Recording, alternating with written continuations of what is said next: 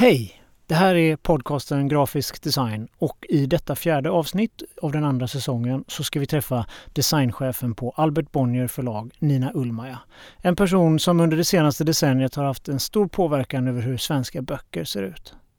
Och förutom att vara ett estetiskt bollplank till redaktörerna på förlaget så står hon själv som designer till flera av förlagets stora titlar. Under året har hennes arbete belönats inte mindre än 22 gånger i svensk bokkonst samt vunnit brons i det som ibland kallas för VM i bokdesign. Det här blir ett spännande samtal med en av våra främsta bokdesigners som tar oss in bakom kulisserna i förlagsvärlden. Och så vill jag bara flika in med en liten rättelse. Ungefär en kvart in i samtalet när Nina pratar om Jan Schichholts bok Ändamålsenliga och vackra trycksaker genom god typografi så påstår jag att jag har den i en utgåva på VZ. Och det är ju helt fel. Jag blandar helt enkelt ihop den med God och dålig typografi, också av Jan Schichol, utgiven på VZ. Bra titel för övrigt. Vi har ingen reklam i den här podcasten, men däremot så låter vi varje gäst tipsa om en organisation som arbetar för en bättre värld. Och det gör vi för att påminna att vi som bor i Sverige har det bra. Nina Ullmaja vill tipsa om Barnfonden. Läs mer om dem på www.barnfonden.se. Det här samtalet spelades in i mitten av oktober, men eftersom Nina strax kommer att avslöja vad hon ska syssla med framöver så fick vi vänta några veckor med att publicera intervjun. Jag som ställer frågorna heter Per-Niklas Bedov. Här kommer ett trevligt samtal med Nina Ullmaja.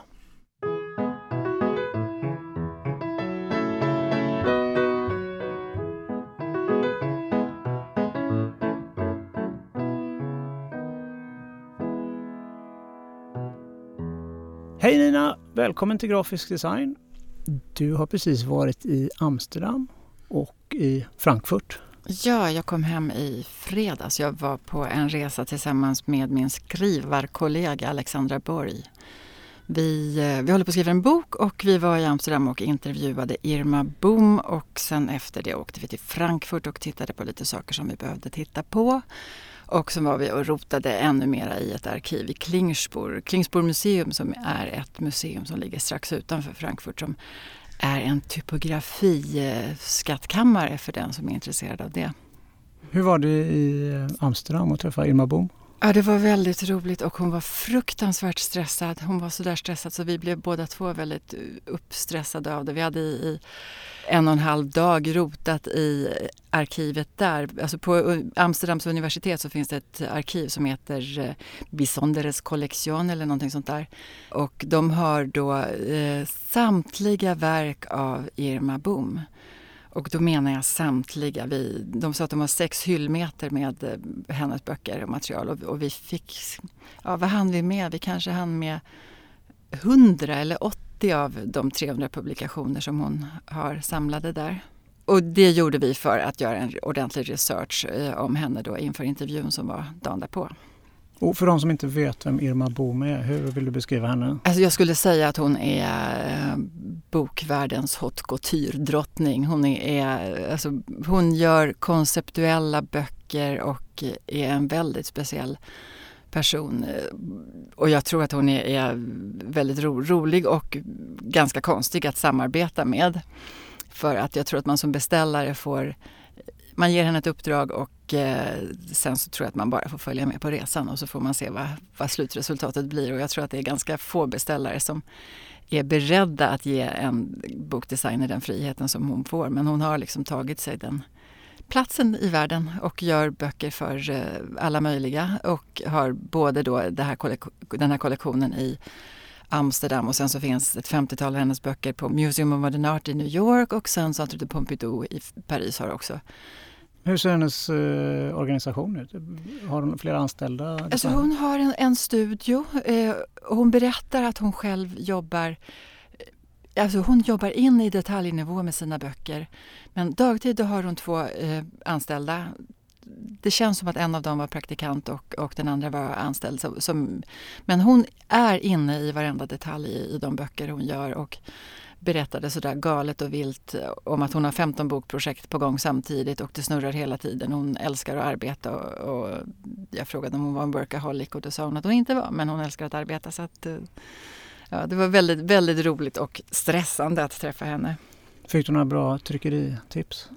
Nej, men hon berättade hur eh, noggrann hon är med sina tryckerier och det täta samarbete hon har med dem. Och jag tror att är man på den nivån som hon är och tittar man på det som hon gör så är det ju Alltså det är så extrema böcker så att jag förstår att man måste ha tryckare som, som man måste tryckare som är med på, på resan helt enkelt. Jag har ju också sagt det där i, i alla år som jag har jobbat att jag blir galen på tryckare som säger så här, nej vi har aldrig sett någon göra det där, eller vi, så där brukar vi inte göra. Nej, men kan vi göra så denna gång, då kan vi prova något nytt. Det är de där som kan vi prova något nytt som säger ja på det. Det är ju de man, man vill jobba med som bokformgivare, eller som formgivare överhuvudtaget skulle jag säga.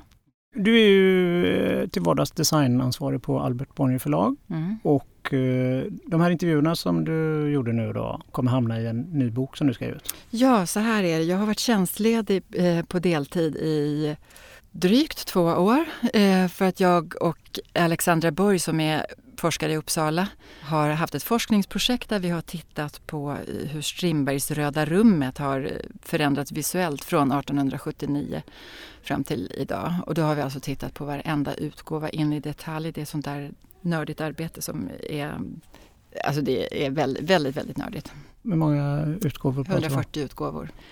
Och då är det så roligt att då har vi liksom kunnat följa dels hur, hur, alltså bara titta på det visuella, där ser man ju en del men man förstår ju en del när man börjar undersöka den här boken och har den liksom som en ryggrad så sticker man iväg på de här spåren som Strindberg tar sig och han har väldigt mycket synpunkter och åsikter om bokformgivning och typografi, var väldigt kunnig.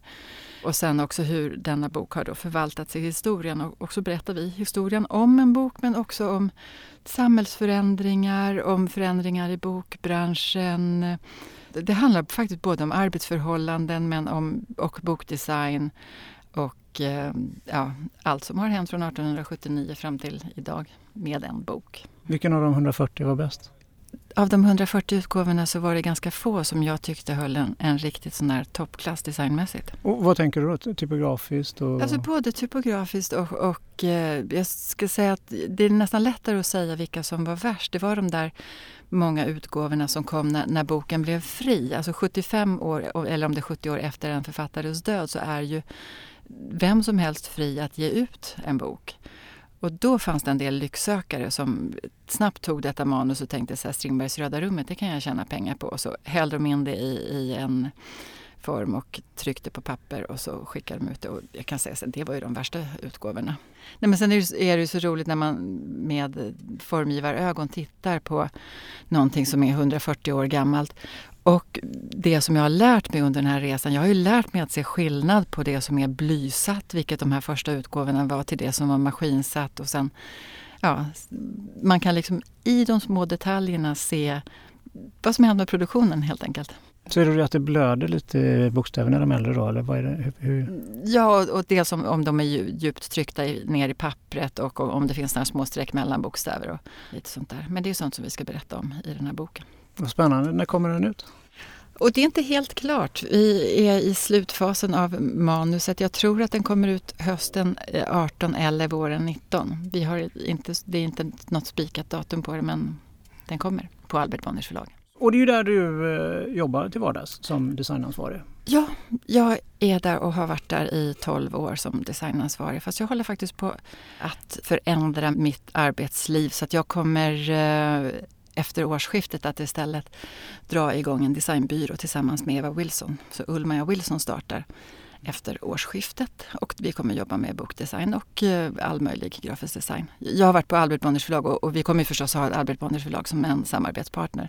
Jag har varit där i 12 år och jag jämför det lite grann med att vara lärare på Konstfack till exempel som jag var innan. Att, att efter en tid så kanske man ska lämna över till någon annan eller, eller göra någonting annat för att en designansvarig fungerar på sätt och vis som en pedagog gör. Man är med och, och liksom försöker vara ett bollplank till både redaktörer och externa formgivare och förläggare och, och vara med och ja, rikta den visuella formen på böcker för förlagets räkning. Och, ja. Men nu är det dags för någonting annat.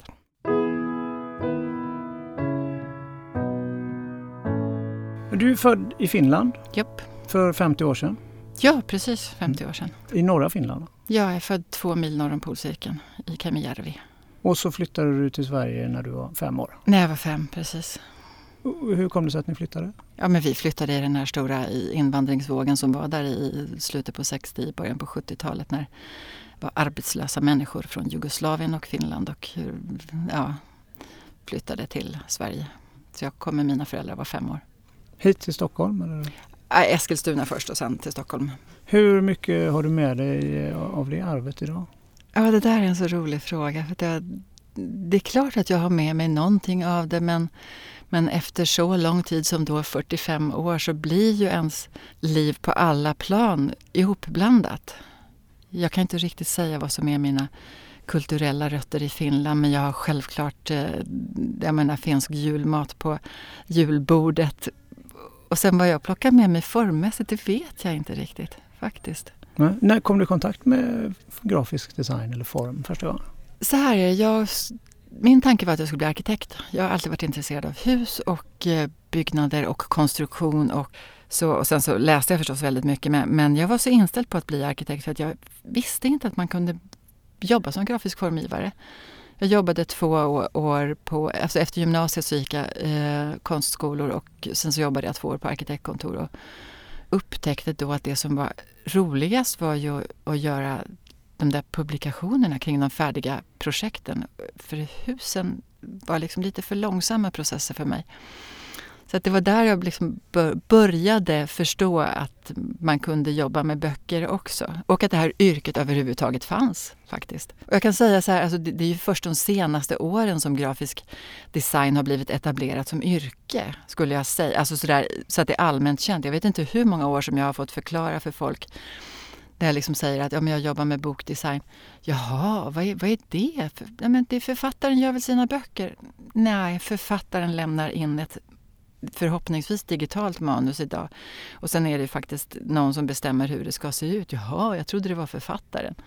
Så att det tog så många år liksom, att bara att börja förklara vad, vad bokdesign är för den stora allmänheten. Men nu känns det som att grafisk designer är väldigt etablerat och Ja, jag blev grafisk designer innan det var inne att vara grafisk designer. Ja, är det det nu inne? Ja, det verkar ju vara så. Jag tycker att tittar man på sådana här tidningsreportage som är jag menar de här stora tidningarnas söndagsreportage var och varannan är grafisk designer. Din utbildning då, den, eh, då bytte du ifrån arkitektbiten? Ja, alltså jag kom in där och, och, eh, men slutade för att börja på Nyckelviksskolan istället. Och sen så efter det så började jag plugga i Göteborg på HDK eh, som hette Konstindustriskolan då och sen så bytte jag till Konstfack efter två år och gick klart på Konstfack.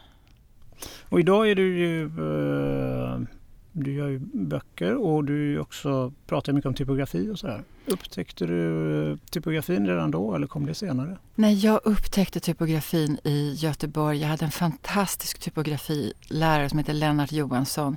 Han var en sån där eh, rufsig entusiast. Rufsig säger jag för att han var så där vild framme vid tavlan när han ritade upp sina bokstäver och förklarade bokstävernas delar för oss och hade en sån här entusiasm i blicken som man blir alldeles lycklig av. Så jag skulle säga att Lennart Johansson har lärt mig typografi och entusiasmerat mig. Och sen dess har jag älskat bokstäver på alla olika sätt. Jag tycker att det är väldigt härligt att dyka ner i bokstäver. Så, så härligt så att jag har gjort en, en barnbok om, om varför bokstäverna ser ut som de gör. Vilken typ av litteratur hade ni då när ni gick i skolan? Ja, det var en bra fråga. Eh, alltså typografisk handbok fanns förmodligen inte då, tror jag. När var när gick du Christer Hellmark. Alltså jag gick ut 94. 91 tror jag den boken kom. Okej, okay, men då, då, är det möjligt att, att den var någon av de första böcker som jag hade. Och vet att jag det är först nu på senare år som det har dykt upp typografiböcker som jag känner så här, åh, det här hade jag velat ha för 20 år sedan när jag pluggade. Så det har inte funnits så mycket. Jag, menar, jag tror nog att Christer Hellmark och Typografisk handbok var bland de första. Och sen så fanns det också så här, Bo Berndahl hade skrivit någonting som hette Typiskt typografiskt. Men det fanns inte så mycket. En del internationella böcker. Men som sagt, nu på senare år har det dykt upp fantastiska böcker. Jag skulle tipsa om en bok som heter Letter Fountain som är, har använts som, i Holland som eh, undervisningsmaterial och har kommit ut på engelska kanske för ett år sedan. Och sen så är det en danska som heter Sofie Beijer som har skrivit en bok som heter Reading Letters som handlar om läsbarhet och typografi och typsnittsdesign. Och sen förstås har det dykt upp en väldigt massa engelska böcker men, men sådana där böcker som jag hade känt att ah, tänk om jag hade fått de här för 25 år sedan. Och Jan Tschichold, fanns han på kartan då? Med penguinreglerna och sådär? Ja, ja, jo, med penguinreglerna fanns ju och Jan Tschichold läste man ju förstås om då. Ja. Just det, precis. Han hade skrivit, han har bland annat skrivit en bok som heter Ändam God och ändamålsenlig typografi för trycksaker. Just det. Utgiven på Albert Bonniers förlag faktiskt. Jaha. På. Jag har en liten sån här eh, från VZ tror jag det heter. Ja, just som det. jag Ja, köpte hos uh, Morris Ja, för många år sedan. Morris är min hovleverantör också. Ja, ja men vad kul. Då, då kom typografin redan i skolan. Där. Ja, men det gjorde den. Och som sagt med en sån här entusiastisk lärare. Jag tror att det är det som jag tror att för att få folk att vara nyfikna på bokstäver och typografi så måste man möta någon eldsjäl som tar en in i den världen. För att det kan ju... Det finns en del äldre typografilärare som inte har varit lika entusiasmerande kan jag säga. Men, men just Lennart Johansson var fantastisk. Och sen så började du med bokdesign. Var det också någonting du stötte på i, skolan? Eller kom det sig? Eh, ja, alltså vi hade väl en del bokdesignprojekt men jag var så säker på när jag slutade att jag ville jobba med kultur och litteratur på olika sätt. Så att mina första år så jobbade jag med eh, olika dans och teatergrupper. Jag jobbade med Unga Klara i ganska många år och Eva Lilja Danskompani som det då hette. Riksteatern och sen så var det jättesvårt att ta sig in i förlagsbranschen faktiskt. Det var knäckande svårt. Jag hade en lång lista på folk som jag ville prata med och, och ganska nyutexaminerad från Konstfack. Man möts av det här, ja men du har ju aldrig gjort en bok. Nej men ge mig chansen då. Ja, jag kom tillbaka när du har gjort en bok. Och, och så att jag tyckte att det var jättejobbigt. Och på det sättet har jag försökt att vara en länk inne på Albert Bonniers förlag. Jag är liksom så nyfiken, jag samarbetar med designskolorna och bara liksom talar om så här jobbar vi och jag är nyfiken på vad ni gör. För jag vet ju att det som händer på designskolorna, det dyker upp ute i verkligheten. Min, alltså ett par år senare så börjar man liksom se risografitryck till exempel som, som designskolorna har hållit på med ganska länge. Det tog två år, sen bara, ah, nu börjar man se risografi, härmande eh, trycksaker ute i, i verkligheten också. Okej, okay, man härmar risografi alltså? Ja, ja men alltså det trycks i fyrfärg istället. Ja, av, med misspass eller? Med... Ja, med lite misspass. Ja. ja jag har sett sådana böcker i Frankfurt, Aha. bland annat. Mm.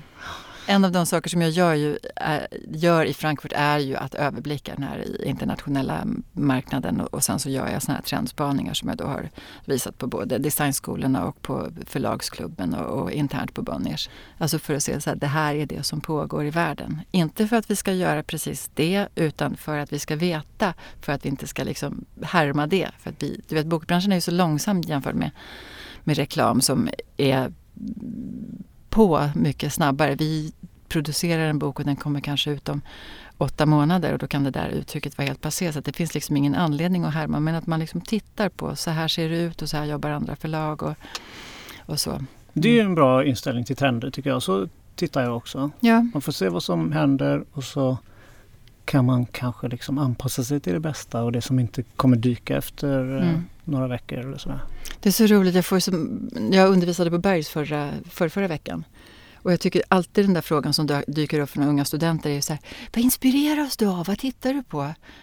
Eh, och jag kan säga så jag vet inte vad jag inspireras av, men jag inspireras alltid av det som är innanför pärmarna eller det som ska vara innanför pärmarna. Det, alltså idéarbetet är ju hela tiden att dyka ner i innehållet och läsa boken eller läsa om författaren eller prata med författaren. Det är där det finns innehåll. Det går liksom inte att gå runt och titta och säga att jag inspireras av någonting. Det är klart att jag influeras av precis allting annat, precis som alla människor influeras av att modet förändras till exempel. Plötsligt så dyker en färg upp som, som man tyckte var jätteäcklig för några år sedan. Så bara, åh nej men jag gillar turkos nu.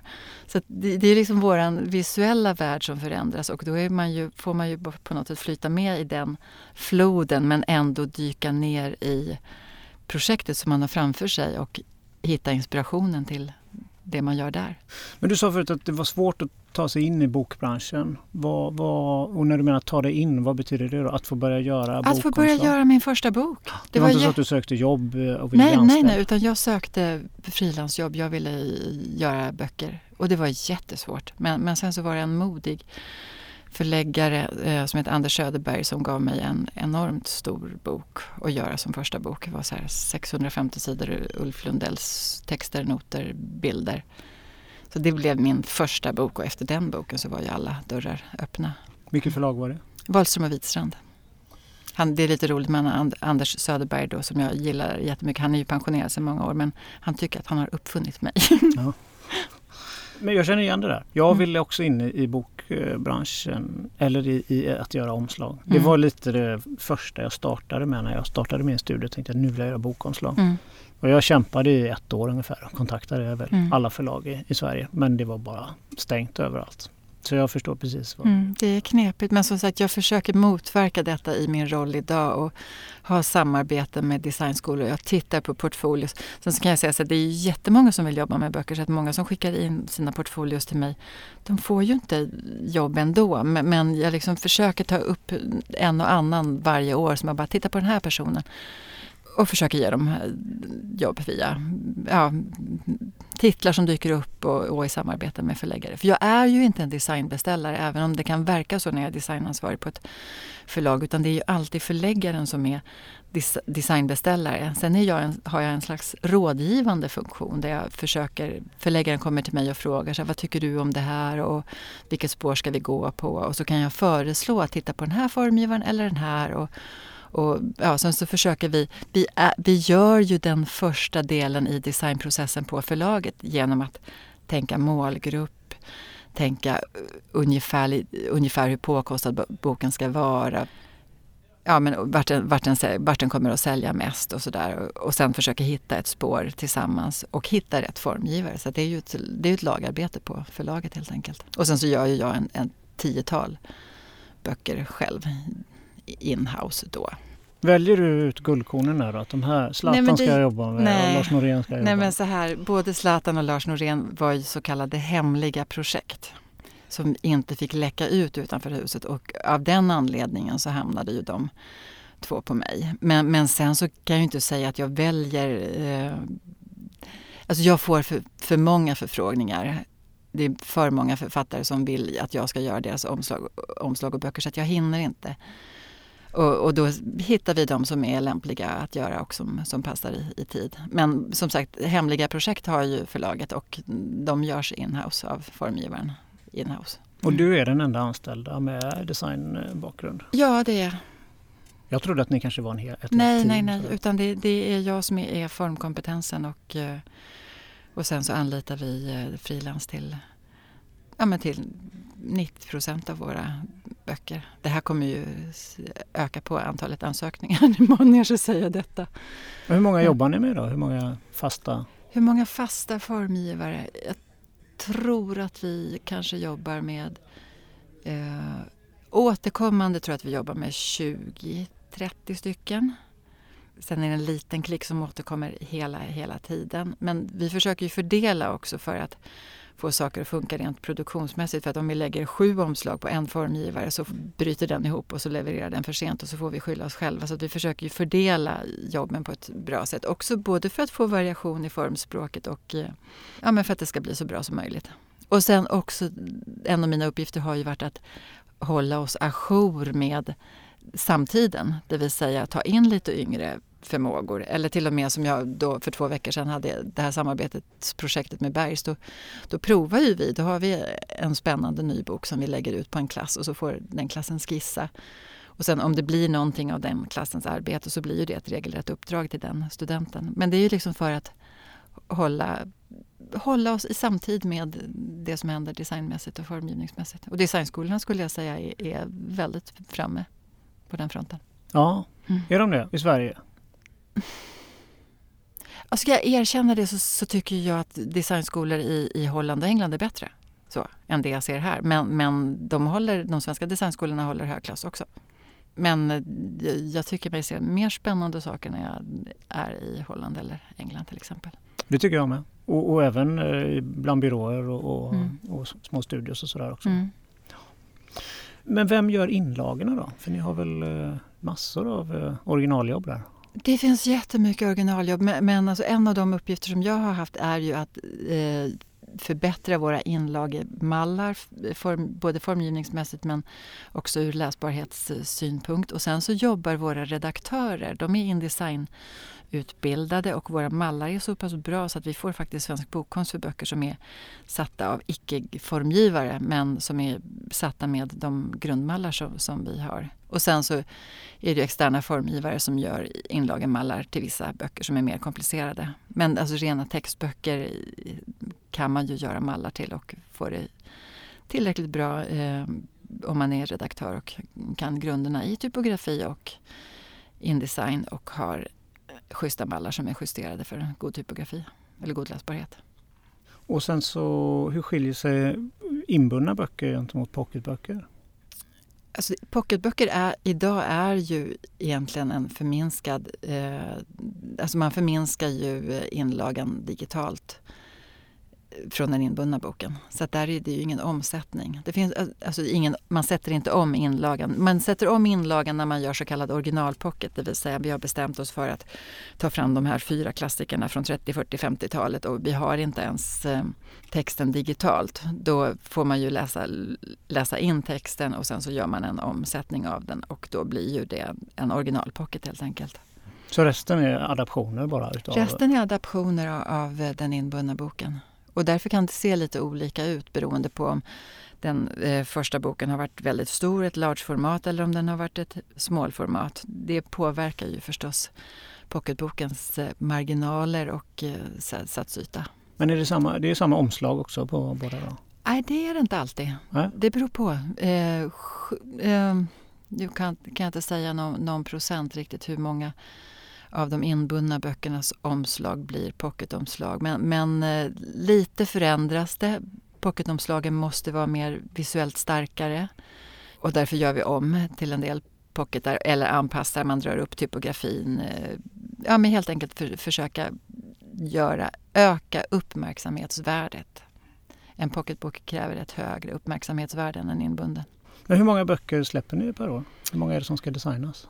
Albert Bonnier förlag ger ut 100, vad är det, 130-140 titlar per år, nya.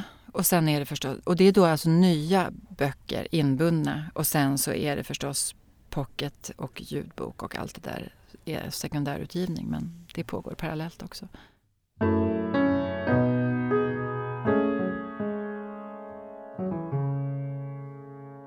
Du var ju med i P3 tidigare år och pratade lite grann om bokdesign. Just det.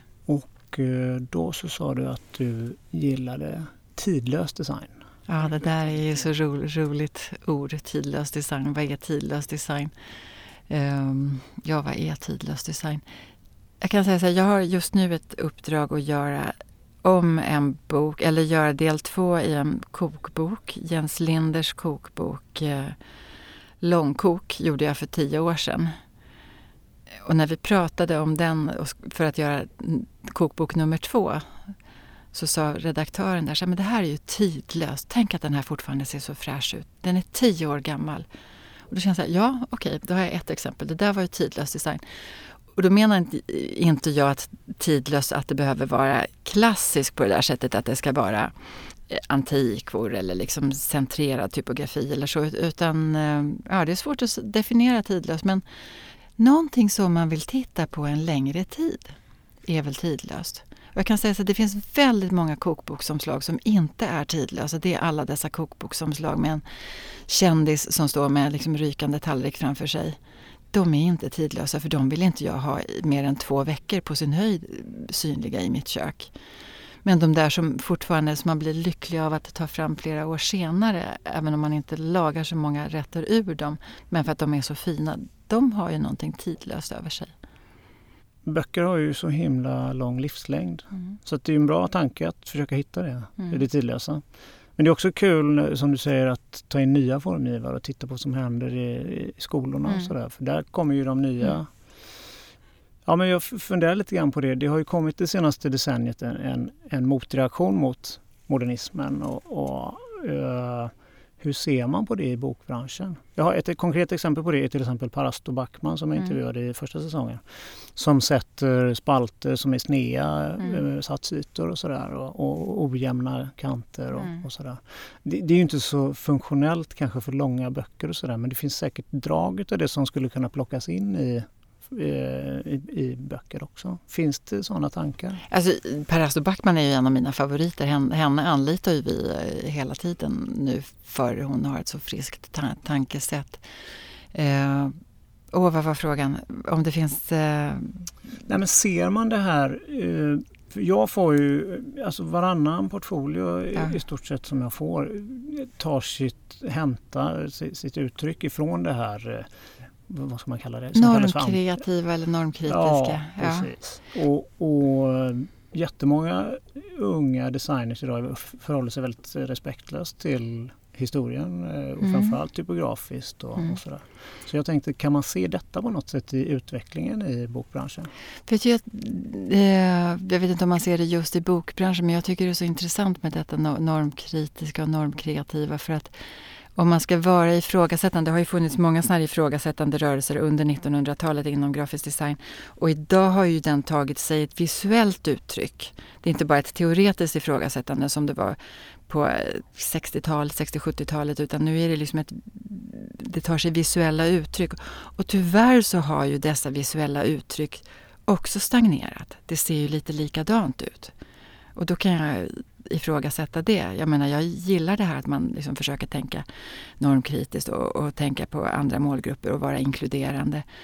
Men det får inte heller stanna vid att designen ser ut på ett visst sätt. Så att jag tycker att det är... Jag är nyfiken på vad som kommer att hända.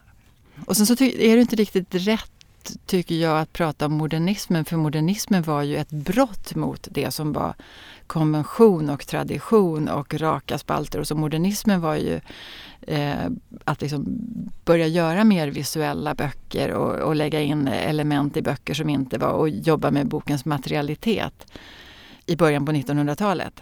Och sen så, det är ju inte riktigt det vi bryter mot utan jag skulle nog säga att man bryter mot traditionen och det konservativa, hur böcker har sett ut, eller hur design har sett ut och, och hela den här normen med vad är det man säger, god smak. Och jag vill inte prata om god smak utan jag skulle snarare säga att jag vill prata om saker som är, fungerar eller inte fungerar och saker som är gjorda med omsorg eller som bara är ihoprafsade. Det är roligt det där med tidlös. Tidlöshet finns ju också i arbeten där det finns en omsorg om detaljer och eh, material och helt enkelt omsorgsfullt gjort på alla sätt. Det skulle jag säga är, det som är tidlöst. Håller du med? Ja, jag vet inte riktigt heller vad som är tidlöst. Jag tänkte ja. att du, eftersom du använder det uttrycket, så tänkte du kunde få ja. beskriva. Men, äh, nej, men det kanske är ett bra, en bra idé. Det, det ser man ju det finns ju mycket i den här normkreativa som du säger som ser likadant mm. ut och man kan se att man tittar på någon annan som gör likadant mm. och så försöker man göra likadant och då blir det inte så bra. Men de som sticker ut, som förankrar sina beslut i, i, i en strategi eller, och som har ett bra hantverk som de vet att de bryter mot. Mm. Där tycker jag att det sticker ut. Och, ja, det gör det absolut. Och det är beundransvärt. Men det är också det att det är de, de har ju den där omsorgen och den djupa researchen och att man är i arbetet. Man, det är där man hittar formen. Man tar inte bara ett uttryck, det där vill jag göra, så vill jag att det ska se ut. Bara, liksom, det är ingenting som är taget ur luften utan det är undersökt.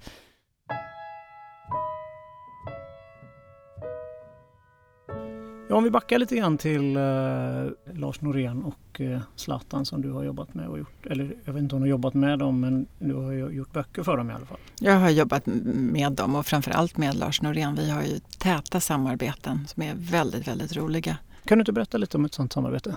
Det har ju, vad är det, uppe i, jag tror att det är åttonde eller nionde boken som, som vi gör tillsammans.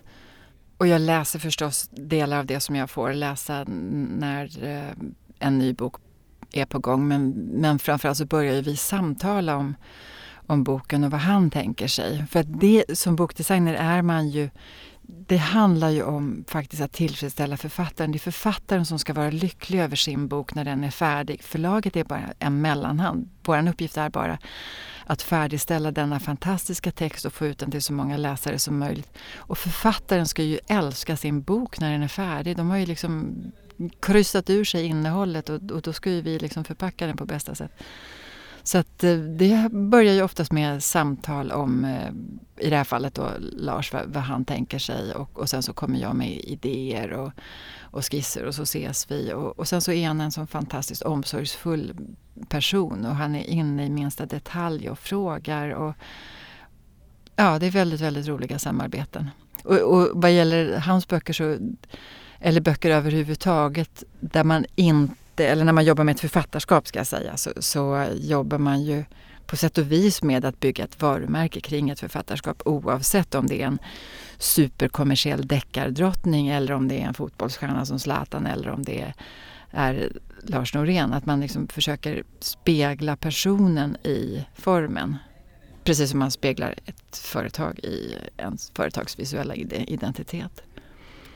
Men det låter nästan lite jobbigt att uh, när Lars Norén är nere i varje detalj så här som du berättar. Det, Nej men det, finns... det är inte ett dugg jobbigt. Jag, tycker, alltså jag älskar dessa samarbeten med författare. Jag tycker att det är bland det roligaste som finns med, med jobbet.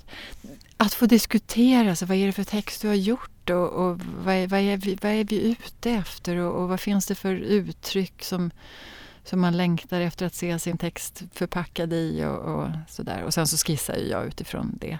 Och det finns ju vissa författare som inte ens visar en rad och som är jättehemliga och som bara, ja den handlar om eh, havet och, och jaha okej okay, havet och så får jag liksom börja gissa och sen så lirkar man sig fram till, efter att man träffas några gånger så har man liksom lirkat sig fram till det där som är bokens själ. Trots att jag ibland inte ens har fått läsa en rad. Jag har fått veta en titel och jag har fått liksom intervjua författaren om känslan för boken.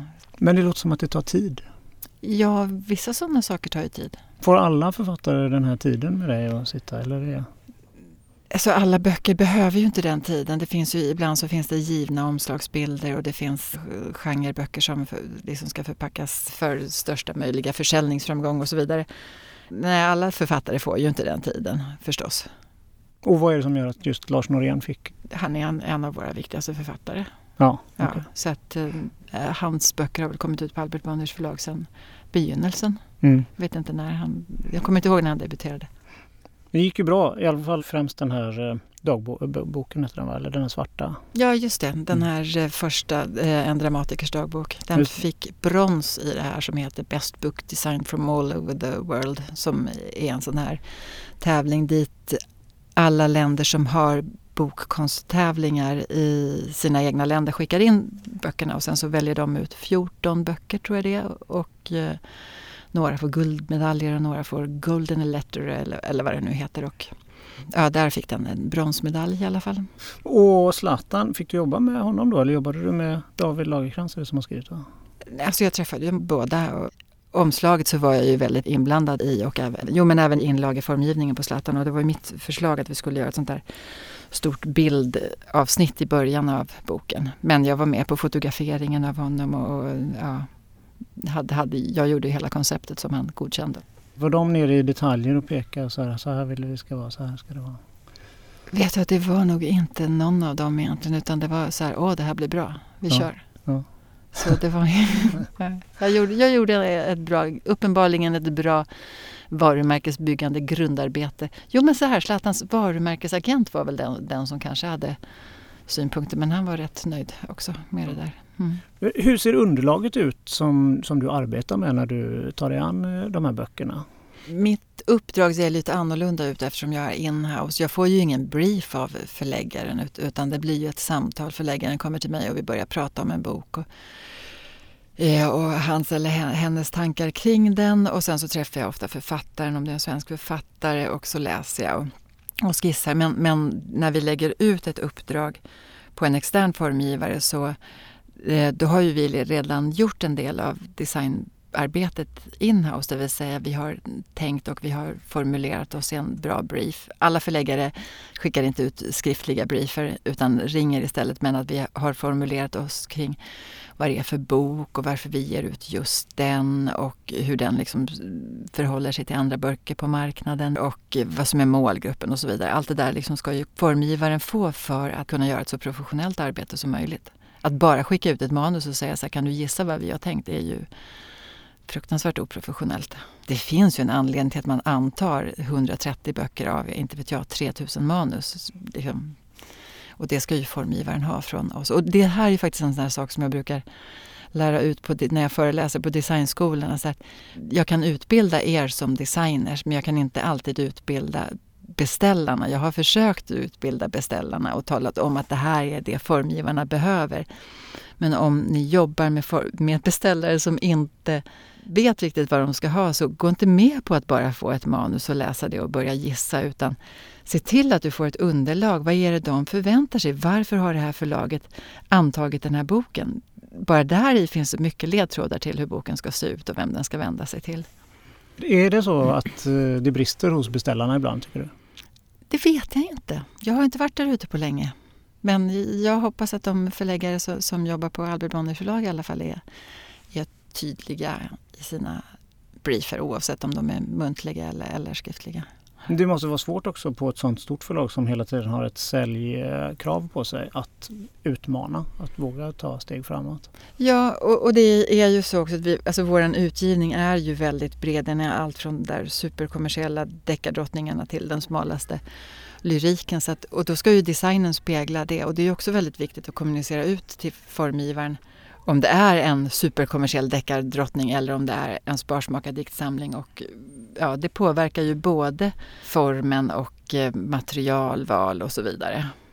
Med de här superkommersiella titlarna så finns det ju sånt här som formgivare kanske inte alltid tänker på att boken kan ta slut ute i bokhandeln och då vill ju vi göra så snabba tilltryck som möjligt och har man då valt ett material, ett papper som är, har sju veckors leveranstid från Italien så sumpar ju vi försäljning. Det vill säga, och då kan man också prata om att ja, vi sumpar försäljning, stora förlaget sumpar försäljning. Ja, men det är ju faktiskt författarens bok kommer inte ut till läsarna så mycket som författaren önskar. Så det, är ju, liksom, det handlar ju om att tillfredsställa en författare som kommer till oss med ett manus som vi ska ge ut. Hade de inte velat att den skulle säljas så hade de stoppat, låtit den ligga kvar i sin byrålåda.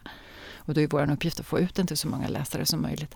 Hur stor upplaga gjorde ni av den, den första Lars Norén eh, med det svarta omslaget med präglat? För den ser inte ut så idag va? Jo, jo, den ser ut så. Är det samma eh, foliepräglade omslag på de utgåvorna nu också? Du pratar om en dramatikers dagbok, ja. den första. Jo, jo, den ser likadan ut. Jag minns inte vad som var upplagan på den. Ingen aning ja. faktiskt. Det var så många år sedan. Det var... Men ja, det kanske är kvar utav den som trycktes redan då eller är den... Jag tror att den är tilltryckt. Ja, ja. ja. Men då, då gjorde man samma fina material och sådär? Ja, ja, ja, Jag fick för mig att jag hade sett någon eh, pocketversion men det måste jag Jo men det finns ju en pocketversion av den. Ja, såklart att det gör. Men då är ju det en sekundärutgivning mm. också. Så det, det finns. Men hur står sig svensk, eh, svenska böcker? Du som var nere på mässan nu, hur, hur, står vi oss? Eh? Är det hela världen där eller bara Europa? Eller? Det är hela världen där. Och det är väldigt, jag har suttit med i den där internationella juryn ett år vilket, vilket var fantastiskt roligt. Och man tror ju nästan att det är omöjligt att bedöma kinesiska eller japanska eller arabiska böcker. Men när man sitter med dessa då 650 böcker som kommer från hela världen så hittar man ändå eh, tillsammans då i, i, en sån här jurygrupp bestående av sju eller åtta personer från olika delar av världen så hittar man ändå de där pärlorna, de 14 pärlorna som man ska plocka ut. Och hur Sverige står sig i sammanhanget eh, mycket bättre idag än eh, för säg 10-15 år sedan. Jag, jag, tänker ibland på det när jag reser och är i, i till exempel då i Amsterdam. Nu hann jag inte till bokhandeln den här gången men, men eh, när man är i London eller New York eller någon annanstans. För sådär 10-15 år sedan så kunde jag bli så åh det gör så mycket fina böcker här och så, åh det är så ynkligt i Sverige. Och så tycker jag inte att det är idag. Idag kan jag känna så ja men fasen, vi är ganska bra. Så att jag tycker att det har hänt väldigt mycket med, med eh, designmedvetenheten och jag skulle säga att det har med en ökad, ökad designmedveten överhuvudtaget att göra. Eh, och den har ju förstått, liksom krupit in i bokbranschen och, och förlagen har ju förstått att man måste göra någonting mer med böckerna. Och det här har förstås också med digitaliseringen att göra. Ju mer digitala vi blir, desto mer får vi ju jobba med de fysiska produkterna. Boken har ju blivit mycket mer objektifierad för att det har digitaliserats. Mm. Och vilka parametrar bedömer juryn när de tittar på de här 14 böckerna? Man, be, alltså, man kan ju i det där fallet inte bedöma innehåll och det gör ju inte Svensk bokkonsttävlingen heller.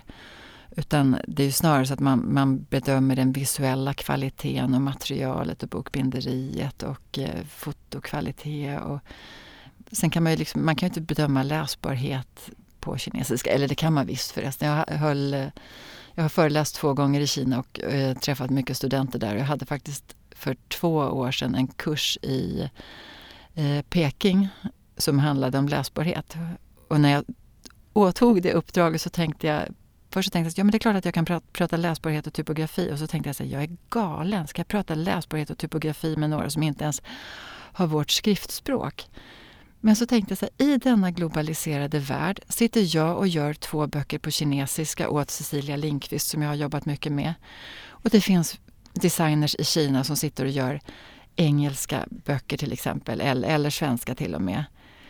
Och det finns ju faktiskt saker som vi kan lära av varandra. Och när jag höll den kursen så insåg jag i våra samtal att det handlar om precis samma saker. Det handlar om att texten ska vara visuellt aptitlig. Och de har ju liksom inte problem med några ordmellanrum eftersom de inte har några ordmellanrum. Och, men det finns ju andra aspekter av det där, radlängder och, och ja, papperskvaliteter och genomlysning och allt möjligt sånt där. Så att oavsett skriftspråk så hade vi väldigt eh, mycket glädje och nytta av varandra. Men berätta, vad är visuellt aptitlig? Ja, vad är visuellt aptitlig? Typografi som man ska läsa, orka läsa länge, har ju andra krav på sig än den där typografin som bara liksom, du ska ta in lite snabbt och sen så ska du bara låta dina ögon flacka iväg till någonting annat. Alltså jag brukar prata om att, att läsa är ett arbete. För att om jag sätter mig och tittar på TV så blir jag serverad både bilder och ljud och jag får liksom berättelsen in utan att min hjärna behöver anstränga sig. Men däremot en text som jag ska ta in, då måste jag först titta på bokstäverna, med ögonen och sen så måste jag, min hjärna måste de, dechiffrera dessa svarta små krumelurer, göra dem begripliga och jag måste skapa mig en bild av handlingen i mitt eget huvud. Så att det, man förstår ju att det är en ganska så lång process jämfört med liksom bli serverad färdiga bilder och färdigt ljud till att jag ska skapa mig min egen bild av det. Jag har en rolig jämförelse faktiskt där det är, jag har läst eh, en bok som heter The Boy in the Striped Pyjama eller Pojken i, i den randiga pyjamasen. Jag har läst den med min dotter. Det handlar om koncentrationsläger och en, en pojke innanför stängslet och en pojke utanför stängslet i koncentrationslägret och hur dessa två världar möts. Och jag läste denna bok med min dotter och eh, sen så såg vi i helgen så såg vi filmen. Och hon blev så här, mamma boken var ju så mycket bättre. Det var ju mycket bättre bilder i den. Jag tänkte så här, ja men det var ju dina bilder. Det var ju du som under läsningen hade skapat dig dina bilder. Och det var så mycket mer nyanserat och det var så mycket längre tid som dessa två pojkar då kunde bygga upp sin vänskap medan filmen serverade allting på en och en halv timme och det blev tre möten och sen så och så vidare, det som hände i den. Men, men just det där att ett barn liksom skapar sina egna bilder, boken var ju så mycket bättre. Det var ju så mycket bet bättre bilder i den. Det tycker jag säger någonting om läsprocessen också. Du, slutligen så skulle jag vilja ställa en fråga till dig. Och eh, jag är ju en lite tävlingsmänniska. Jag tycker det är kul att att, att Även om det är svårt att tävla i design så tycker jag det är roligt. Vi mm. försöker göra det så ofta som möjligt. Och då brukar vi skicka in varje år till Svensk Bokkonst där du har vunnit 22 gånger.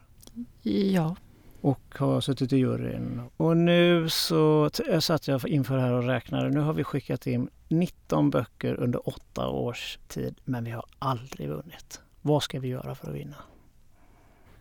Och jag vet ju inte, jag har inte tittat på dina böcker eller så har jag råkat titta på dem i jurysammanhang. Jag, jag kan inte svara på det.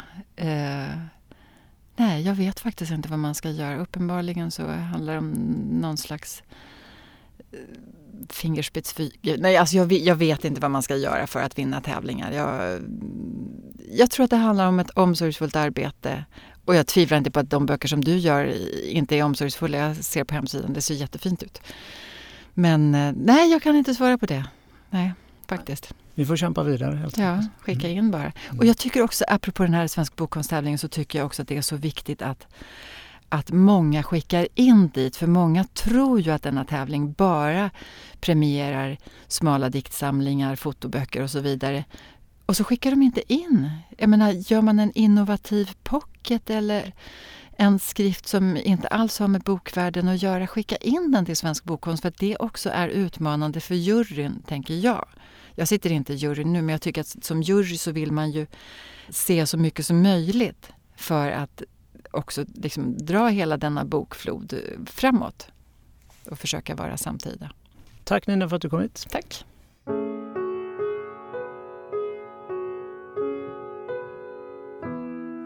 Det där var ju intressant att få höra lite mer om hur det fungerar i den där åtråvärda världen av bokdesign. Nina Ullmaja och hennes nya företag har ingen hemsida ännu men det finns massor på Google om ni vill veta mer om Nina. Som vanligt så är det vi på Designstudion Bedov som gör den här podcasten och förutom jag, Per-Niklas Bedov, så är det mina kollegor Mattias Amnes och Anders Bollman som är med och kämpar.